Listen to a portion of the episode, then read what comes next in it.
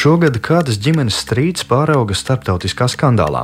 Tas sākās tālajā Dienvidāfrikā, tad pārmetās uz Eiropu, un divu Eiropas Savienības valstu, Latvijas un Dānijas attiecībās izraisīja diplomātisko spriedzi. Šo skandālu sāka risināt triju valstu prokuratūras, ārlietu dienesti, ministri. Tātad valdība nolēma, ka mēs vērsīsimies Eiropas cilvēktiesību tiesā ar prasību misāns lietā Saimas deputāti, arī valsts prezidents Egils Levits.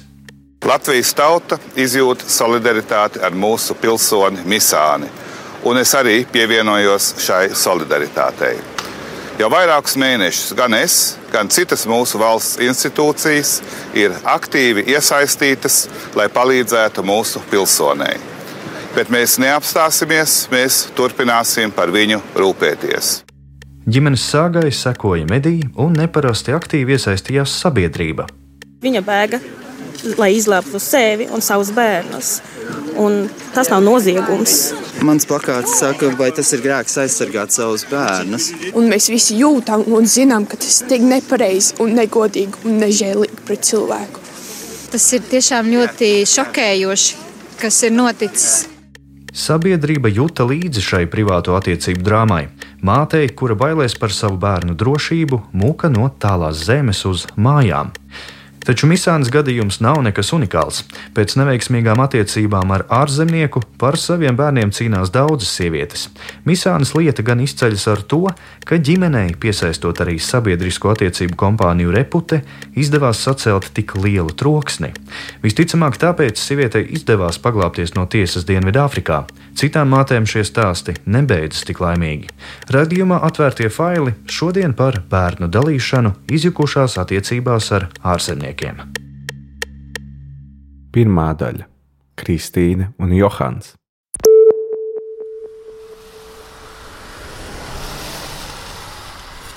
Kristīnas un Johana attiecības sākās ar kādu sadzīves incidentu. Es braucu mašīnā, man bija mašīnai nolaida riepa. Un mēs ar manu krustdēlu Mārtiņu, es tieši biju viņam pretī uz lidostu, viņš brauc pie mums ciemos patstāvīgi braucām atpakaļ uz mājām. Mums nolaida riepu, mēs apstājāmies, lai nomainītu riepu un atklājām, ka nav tās atslēgas, ar ko atskrūvēt riteni. Mēs vienkārši stādinājām mašīnas. Viena no mašīnām, kas apstājās, bija šis cilvēks. Tukša riepa pirms sešiem gadiem uz ceļa Mozambikā sasaistīja Kristīnas Misānes un Johana Groblera dzīves. Misānai Āfrikas valstī jau vairākus gadus ir bizness - viesnīca Zilais mēnesis. Es uzzināju, ka viņš ir no Dienvidāfrikas un portugāļu valodā viņš nerunā. Viņš ir ekskursijā pirmo reizi Mozambikā. Un, kā pateicības teica, ja nu gadījumā viņš pa Mozambiku ceļo un gadās mūsu pilsētiņā, kur mums ir viesnīca, viņš būs laipni gaidīts. Kā pateicība par to, ka viņš palīdzēja mums uz ceļa. Tā sākās mīlestības stāsts, kurš, kā mēs šodien zinām, Misānai beidzās cietumā. Misānai un Grobleram piedzima meita, taču attiecības neizdevās. Es dzīvoju un strādāju eh, ar bērniem Mozambikā. Un mēs braukājām uz Dienvidāfriku. Tad tas būtu bijis apmēram nu, nedēļa, desmit dienas. Mēs uzturējāmies Dienvidāfrikā, kur mēs ciemojāmies pie bērnu tēva. Pārējo laiku mēs pavadījām Mozambikā, kur dzīvojām un strādājām. Un tad, kad attiecības jau bija izjukušas, vienā no reizēm, kad bērnu tēvs eh, piekrita, ka es eh, varu pārcelties atpakaļ uz Latviju pie savas ģimenes. Sieviete vēlējās ar bērnu doties uz dzimteni. Lūdzu, man sagatavot dokumentus, eh, viņš šos parakstīs. Un es ierados Dienvidāfrikā, lai šos dokumentus parakstītu. Man šie dokumenti tika visi atņemti, ieskaitot bērnu dokumentus ceļošanai. Un Es griezos tiesā ar lūgumu ļaut man braukt atpakaļ uz Mozambiku, kur mēs dzīvojām, ar vēlāku domu pārcelties uz Latviju. Kristīna Misāne vērsās tiesā Dienvidāfrikā. Un šī pagaidu noregulējumā Dienvidāfrikā bija noteikts, ka es eh, bērns dzīvo ar mani, bērns. Un, ja es vēlos eh, izbraukt no Dienvidāfrikas Republikas, man ir eh, jāiegūst vai nu tiesas vai nu tēva atļauja. Tas parāda nogalījums bija, tas arī ir tas, teiksim, un noteikti saskarsmes tiesības bija, kad tēvs meitiņu redz. Kad sākās bērnu dalīšana tiesas ceļā, Misāne bijušo draugu apvainoja vardarbībā, pieprasīja aizsardzību. Tiesa Grobleram noteica tuvošanās aizliegumu. Dienvidāfrikas uh, tiesu sistēmai šis jautājums bija jāatrisina. Teiksim, tas viss bija tiesas uh, procesā. Līdz ar līdz kā es griezos tiesā, uh, tā bērna tēvs kļuva vardarbīgs. Mēs arī bija aizliegums man tuvoties un manam mājoklim, kur es dzīvoju. Un ar katru brīdi tā situācija tikai pasliktinājās. Es pildīju visu tiesas noteiktos noteikumus un gaidīju tiesu. Kā stāsta Misāne, baidoties par savu dzīvību, viņa tomēr pārkāpa svešās valsts tiesas aizliegumu izvest bērnu un muka uz Latviju. Es griezos tiesā ar lūgumu mani aizsargāt un Es iesniedzu pierādījumus, kas man bija uz to brīdi, visus, un tiesa izdeva nolēmumu eh, šo mm, aizsargu orderi, kad viņš nedrīkst man tuvoties un mani pazemot. Viņš tā kā neievēroja? Jā. Es griezos tiesā pēc šīs palīdzības, lai man aizsargātu, kur gada rezultātā tas man kaitēja vēl vairāk. Jo tiklīdz kā cilvēks uzzināja, ka e, es esmu griezusies tiesā pēc palīdzības, lai mani aizsargātu no vardarbības. Šis cilvēks paliek vēl dusmīgāks, viņam uznāk vēl lielākas dusmu lēkmes, kas apdraud vēl vairāk manu dzīvi, drošību un šajā gadījumā arī manu dzīvību. Kas notika starp abiem pieaugušajiem, zina tikai viņi abi. Groblers pēc vairāku dienu e-pasta sarakstes telefona intervijai ar atvērtajiem failiem nepiekrita. Mani uztrauc tas, ka viss, ko es saku, Latvijā tiek sagrozīts tā, ka pārspēj manas iztēles robežas. Tāda ir mana līdzšinējā pieredze. Pirms piekrist intervijai, vīrietis vēlējās konsultēties ar advokātiem, lūdza atsūtīt jautājumus un arī apliecinājumu, ka neesam nopirkti. Lūdzu, aplieciniet, ka šī intervija netiek no kādas puses apmaksāta vai citādi ietekmēta. Aplieciniet, ka jūsu rādio nav ietekmēts, kā arī, ka tā netiks izmantota, lai popularizētu kādu politisko partiju vai politiķi. Kādā citā e-pastā Groblers piedāvāja video, kurš pierādot, ka nav bijušo draugu izvarojis, bet intervija tā arī nenotika. Misānas nepatikšanas ar likumsargiem sākās 2018. gada nogalē, kad viņu aizturēja Dānijā. Misāne stāsta, lidojusi darba darīšanās uz Mozambiku un nav zinājusi, ka pēc bērna tēva apsūdzības Dienvidāfrika viņu ir izsludinājusi meklēšanā. Gada garumā notika cīņa par Misānas neizdošanu Āfrikas valstī.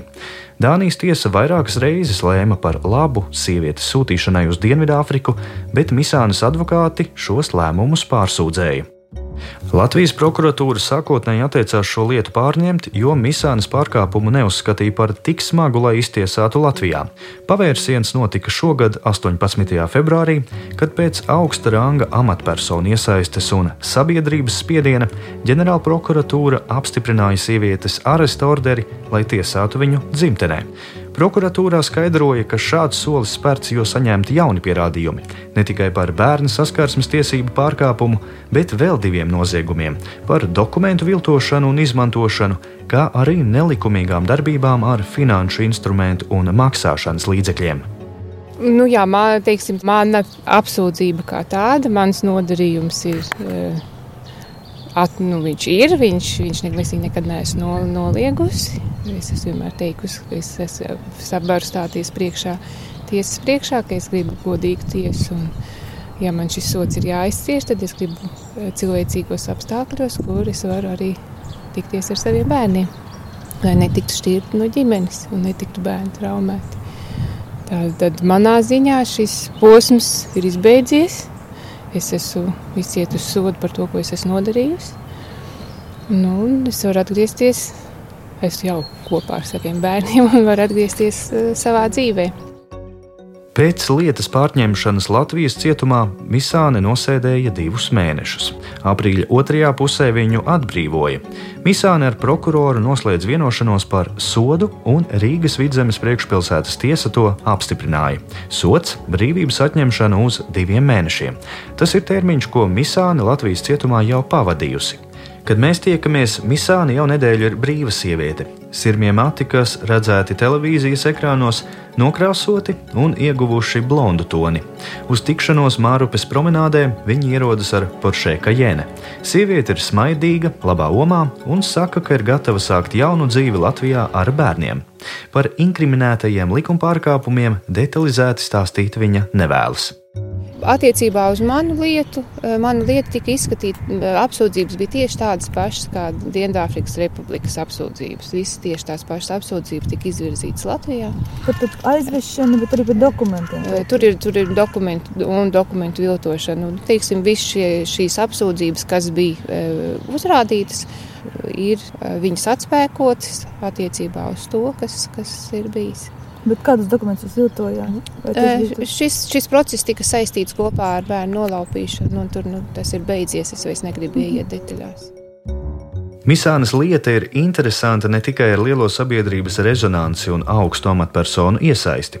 Arī piespriestie sodi viņai krietni mīkstāki nekā paredz krimināllikums. Piemēram, par dokumentu viltošanu un to izmantošanu likums paredz sodu ar brīvības atņemšanu uz laiku līdz četriem gadiem. Vienu no pantiem par nelikumīgām darbībām ar finanšu instrumentu un maksāšanas līdzekļiem Latvijas prokuratūra arī atmeta. Tā, es esmu prokurors Alts Lasmanis, Rīgas tiesas apgabala prokuratūras prokurors. Prokurors Aldis Lasmanis Misānas lietā izvirzīja un uzturēja valsts apsūdzību. Viņš nekomentēja ģenerāla prokuratūras nostājas maiņu un to, vai apsūdzības Misānai beigās netika aiz matiem pievilktas, lai lietu varētu pārņemt Latvija un sievieti paglābtu no izdošanas Dienvidāfrikai, kur pēc pašas stāstītā viņai draudētu 15 gadi cietumā. Sākotnējos ģenerāla prokuratūras lēmumus pieņēmis cits prokurors. Viņa atzina par vainīgu par divu noziedzīgu nodarījumu izdarīšanu, proti, par dokumentu, kas piešķir tiesības viltošanu un izmantošanu mankārīgā nolūkā. Un, turklāt arī par izvairīšanos no tiesas nolēmuma, kas izriet no saskarsmes tiesībām ar bērnu izpildes. Prokurors stāsta, ka kopš Misānas sāgas sākuma ir mainījušās krimināla likuma normas. Pants par dokumentu viltošanu un izmantošanu iepriekš kvalificējās kā mazāk smags noziegums. Savukārt otrs noziegums par bērnu saskarsmes tiesību pārkāpšanu kvalificējās kā vēl vieglākais krimināla pārkāpums. Tātad arī tajā soda sankcija nav barga.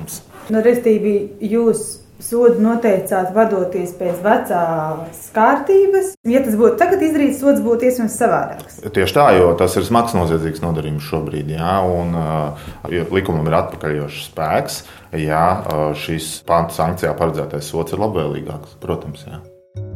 Atsakoties runāt par konkrēto gadījumu detaļās, prokurors saka, ka likums ļauj ņemt vērā notikumu fonu, piemēram, to, ka noziegumu izdarījušais ir cietis no vardarbības. Lasmanis nepiekrīt versijai, ka valsts apsūdzības uzturētājus būtu ietekmējušas ģimenes plašās akcijas. Nu, mana konkrēti šie piketi neietekmēja. Man liekas, ka tajā brīdī vēl arī krimināla process nebija uzsākts. Pašu piketi arī es neredzēju. Nu, kā tas ietekmē. Es zināju, ka sabiedrībai un īpaši plašsaziņas līdzekļiem ir ļoti liela interese par konkrēti jau arī manis uzsākto kriminālu procesu, bet tādu kaut kādas izmaiņas, nu nē, es izdarīju savu darbu un izpildīju savus pienākumus. Taču Misānis cīņa vēl nav galā. Abi vecāki Latvijas tiesā turpinās cīnīties par bērnu aizgādības un saskarsmes tiesībām.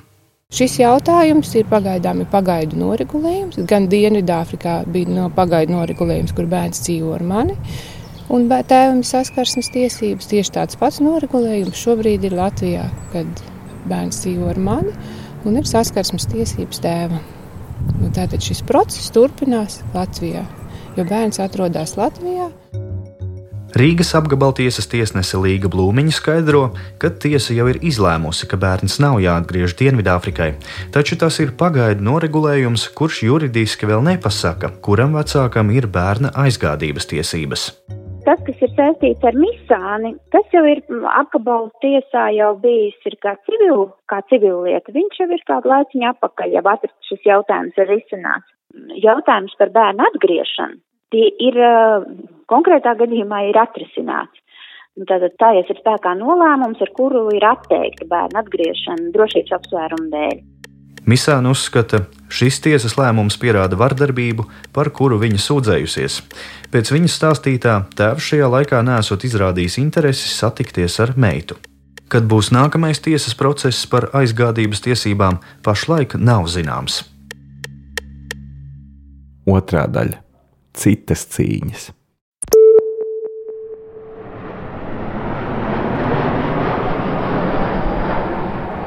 Mums ir nācies aizstāvēt sievietes, kas ir atbēgušas no Turcijas, no Norvēģijas, no, no Francijas, no, no virknes dažādu valstu.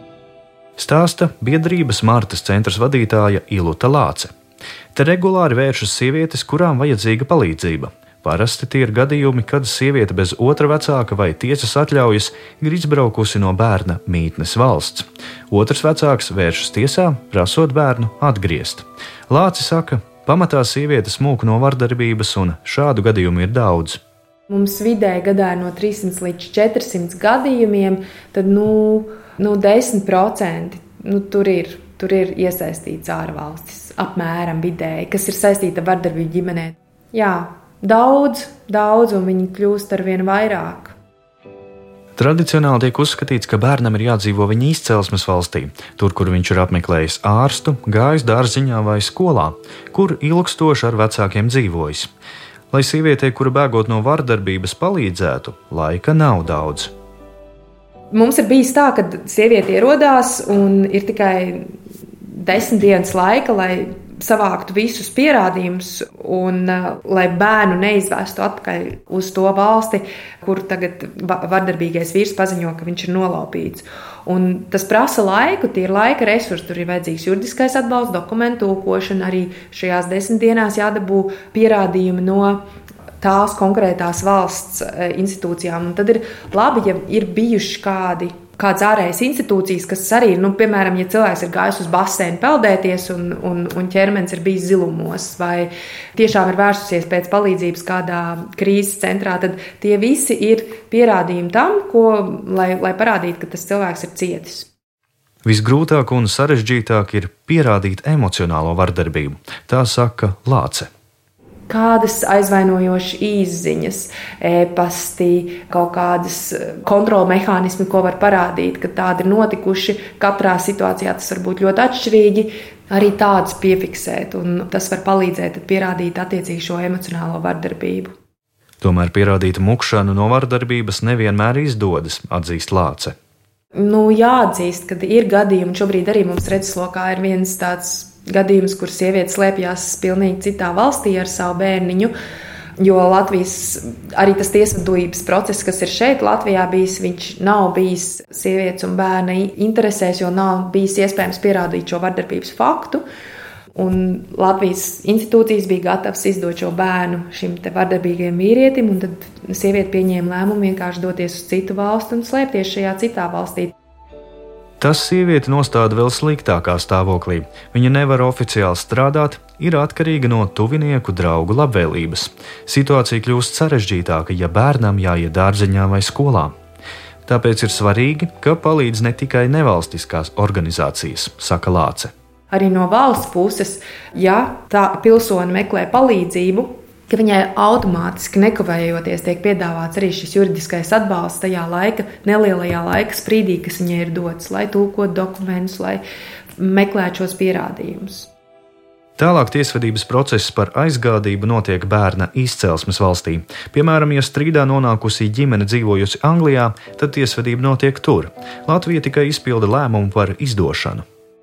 Principā, ja sievietei nu, viņiem teiksim, nav līdzekļu, vai arī nav varbūt zināšanu, viņiem nav kas īsti palīdz, tad, nu, principā, viņai šādu procesu vinēt diezgan grūti. Jā, ja nav, nu, teiksim, tiešām tur redzama vardarbība bijusi, ja nav bijis nu, kā, kaut kāda konkrēta pierādījuma. Tā... Ļoti sarežģīti. Un Jā. tajā gadījumā, nu, piemēram, no vienas puses ir ļoti svarīgi, ka tā sieviete, kas ir šajā konkrētajā valstī ar šo un piedzīvo šo konkrēto vardarbības faktu, ka viņa vēršās šīs valsts institūcijās, tiesā, policijā, pieprasot šo aizsardzības orderi. Nu, uzsākās process, tā kā šīs sievietes arī tiesība aizstāvības interesēs.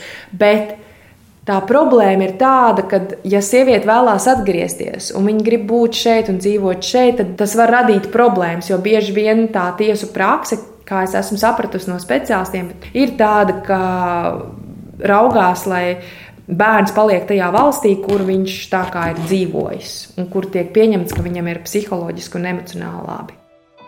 Problēma ir arī tajā, ka sievietes baidās atklāti runāt. Latvijas radio zināms vēl viens gadījums, kur sieviete tieši šobrīd ārzemēs cīnās par iespēju ar bērnu atgriezties Latvijā. Līdz šim tiesa viņai nav bijusi labvēlīga. Nolemts, ka bērnam jādzīvo ārzemēs. Covid-19 pandēmijas dēļ process apturēts, bet kamēr tas nebeigsies, viņa nevēlas izstāstīt savu stāstu. Sieviete baidās, ka atklātība nenāks par labu tiesas procesam. Lāce no Martas centra piekrīt, ka šī cīņa prasa laiku, resursus un drosmi. Bieži sievietes saskaras ar nosodošu vai pat vainojošu attieksmi. Bet ehm, tā uzvara ir tā vērta, un brīvība ir tā vērta. Vai misānis skaļais gadījums palīdzēs citām sievietēm šādās situācijās? Tas, ko es ceru, ka šis gadījums tomēr vairāk vai mazāk jā, kas man likās brīnišķīgi, ka sabiedrība solidarizējās. Lāce cer, ka sabiedrības iesaistīšanās iemesls nebija tas, ka Latvijas pilsoni cīnījās ar ārzemnieku, bet ka tas demonstrē sabiedrības nostāju pret vārdarbību. Es neesmu pārliecināta, ka, ja mēs paņemtu jebkuru citu no tiem gadījumiem, par kuriem Mārta iestājās, un kur ikdienā šķetina šīs sarežģītās situācijas, un kur varbūt sievietes nav tik veiksmīgas pastāstīt savu stāstu, pastāstīt savu stāstu ar seju, atklāti, ka mēs gūtu tādu pašu atbalstu. Tik lielu sabiedrības un augstu varas vīru iesaistīšanos viena gadījuma risināšanā Lāca praksē nav pieredzējusi. Trešā daļa - kā rīkoties. Līva Upena, juriste no Tieslietu ministrijas starptautiskās sadarbības departamenta, saka, ka Likums ir diezgan skaidrs. Ja pārim piedzimst bērns, tad par viņa dzīves vietu uzskata to valsti, kurā ar abiem vecākiem dzīvojas. Lai pastāvīgo dzīves vietu mainītu, jābūt abu vecāku piekrišanai vai tiesas lēmumam. Lai aizvestu, pilnībā mainītu pastāvīgo dzīvesvietu uz citu valsti, tad ir jābūt otra vecāka piekrišanai, vai ja nevar dabūt tā kā patiešo no tā vec, otra vecāka, tad tiesas atļaujai mainīt šo pastāvīgo dzīves vietu. Ir izņēmumi. Piemēram, ir valstis, kuras saka, ja pāris nav oficiāli precējies, tad tiesības lemt par bērnu ir tikai mātei. Tomēr vairumā valstu šādas tiesības ir abiem vecākiem, tāpēc bez otra atļaujas pārceļoties var sanākt problēmas ar likumu. Jārēķinās ar to, ka viņš var iesniegt šo pieteikumu par bērna atgriešanu. Upene saka, šādu gadījumu ir daudz. Daļa strīdu beidzas abiem vecākiem vienojoties, daļu risina tiesā, un apmēram pusē no tiem bērniem ir jāatgriežas mītnes valstī. Piemēram, pērn Latvijas tiesās pieņemti lēmumi par 12 bērnu atgriešanu. Savukārt šogad Rīgas apgabaltiesā, kura šos jautājumus izlēma pēdējā instancē, trīs no četriem pieteikumiem noraidīti, bet viens apmierināts. Kāda ir kārtība? Piemēram, ja tēvs uzzina, ka māte bērnu aizvedusi uz savu dzimteni bez viņa piekrišanas, viņš vēršas tās valsts, uz kuru bērns aizvests centrālajā iestādē. Parasti tā ir Tieslietu ministrija. Aizpilda pieteikumi par bērnu atgriešanu, pierādot, ka viņa pastāvīgā dzīves vieta ir piemēram Anglija. To var pierādīt, iesniedzot ziņas par ārsta apmeklējumu, bērnu dārzu vai skolu. Te nav svarīga deklarētā dzīves vieta, bet reālā. Kā arī vecākam jāpierāda, ka viņam ir aizgādības tiesības. Tālāk dokumentus tulko, piemēram, no angļu uz latviešu valodu. Tieslietu ministrija tos sūta uz tiesu, kā arī bāriņtiesu, kuras uzdevums ir noskaidrot bērnu aizvedušā vecāka viedokli. Ja bērns ir gana liels, arī viņa viedokli. Tālāk jautājumu skata tiesa. Tiesnese Blūmiņa saka, šajā procesā nelēmj, kurš vecāks labāks. Jā, jā, šis ir tikai tāds procesuāls uh, jautājums. Strīds paliek neatrisināts. Mēs nesakām, ar ko, ar, ar ko bērnam jādzīvo kopā. Upena kliedē mītu, ka bērnus dala tikai ar ārzemniekiem. Ļoti bieži jau šīs ģimenes tagad pēdējā laikā ir, ka visi ir Latvijas valsts piedarīgie. Viņi ir kaut kad aizbraukuši, izveidojuši, nu, kā vai turpinājuši ģimeni tajā citā valstī, ilgi dzīvojuši, ja, un tad viens uh, izdomā atgriezties uz Latviju. Bet viens vēlas atgriezties uz Latviju, un otrs tam tomēr nepiekrīt. Konvencijā ir izņēmumi, kad tiesa var pateikt, jā, bērns ir aizvests pretiesiski, kā Misānas gadījumā, pārkāpjot tiesas lemto, bet bērns nav jāatgriež, skaidro Upena. Viens no tiem, jā, ka bērnam šī atgriešanās radīs neciešamu psiholoģisku situāciju. Te gan arī ministrijas ierēdne un tiesnese piekrīt, ka vardarbību pierādīt nevienmēr izdodas. Pat ja izdodas, vērtē pret ko tā ir vērsta, saka Blūmiņa. Viens ir jautājums par otru vecāku, piemēram, vardarbību vainu pret otru vecāku, un cits pavisam atkal ir pēc bērna. Tā kā varbūt, ka bērni neaiztiek tikai, nu, viņiem savstarpēji ir nesaskaņas. Līdz ar to, tad, ja ir tikai runa par otru vecāku, tad arī tad mēs sakam, kā, kad ir jāatgriežas. Eiropas Savienības valstu starpā gan ir vēl viens nosacījums. Ja neskatoties uz vardarbību, tiesa liek bērnu atgriezt mītnes valstī, tai vispirms jāpārliecinās, ka ar bērnu tur viss būs labi, saka Upena. Tiesai ir pienākums tātad paprasīt tai otrai uh, Eiropas Savienības dalību valstī, uz kuru prasa atgriezt to bērnu, kādi tiks veikti aizsardzības pasākumi, ja tiesa tomēr pateiks, ka vajag atgriezt. Tomēr šī tiesvedība neatrisinās pamatjautājumu, kur pēc vecāku šķiršanās dzīvot bērnam. Tieši pretēji, lieta par pretiesisku aizvešanu rada vēl papildu problēmas. Tāpēc pareizais risinājums ir iet likuma ceļu. Ja pieaugušie nevar vienoties, tad jāsagaida tiesas lēmums. Upene saka, ir gadījumi, kad vecāki spēj nolikt malā savus strīdus.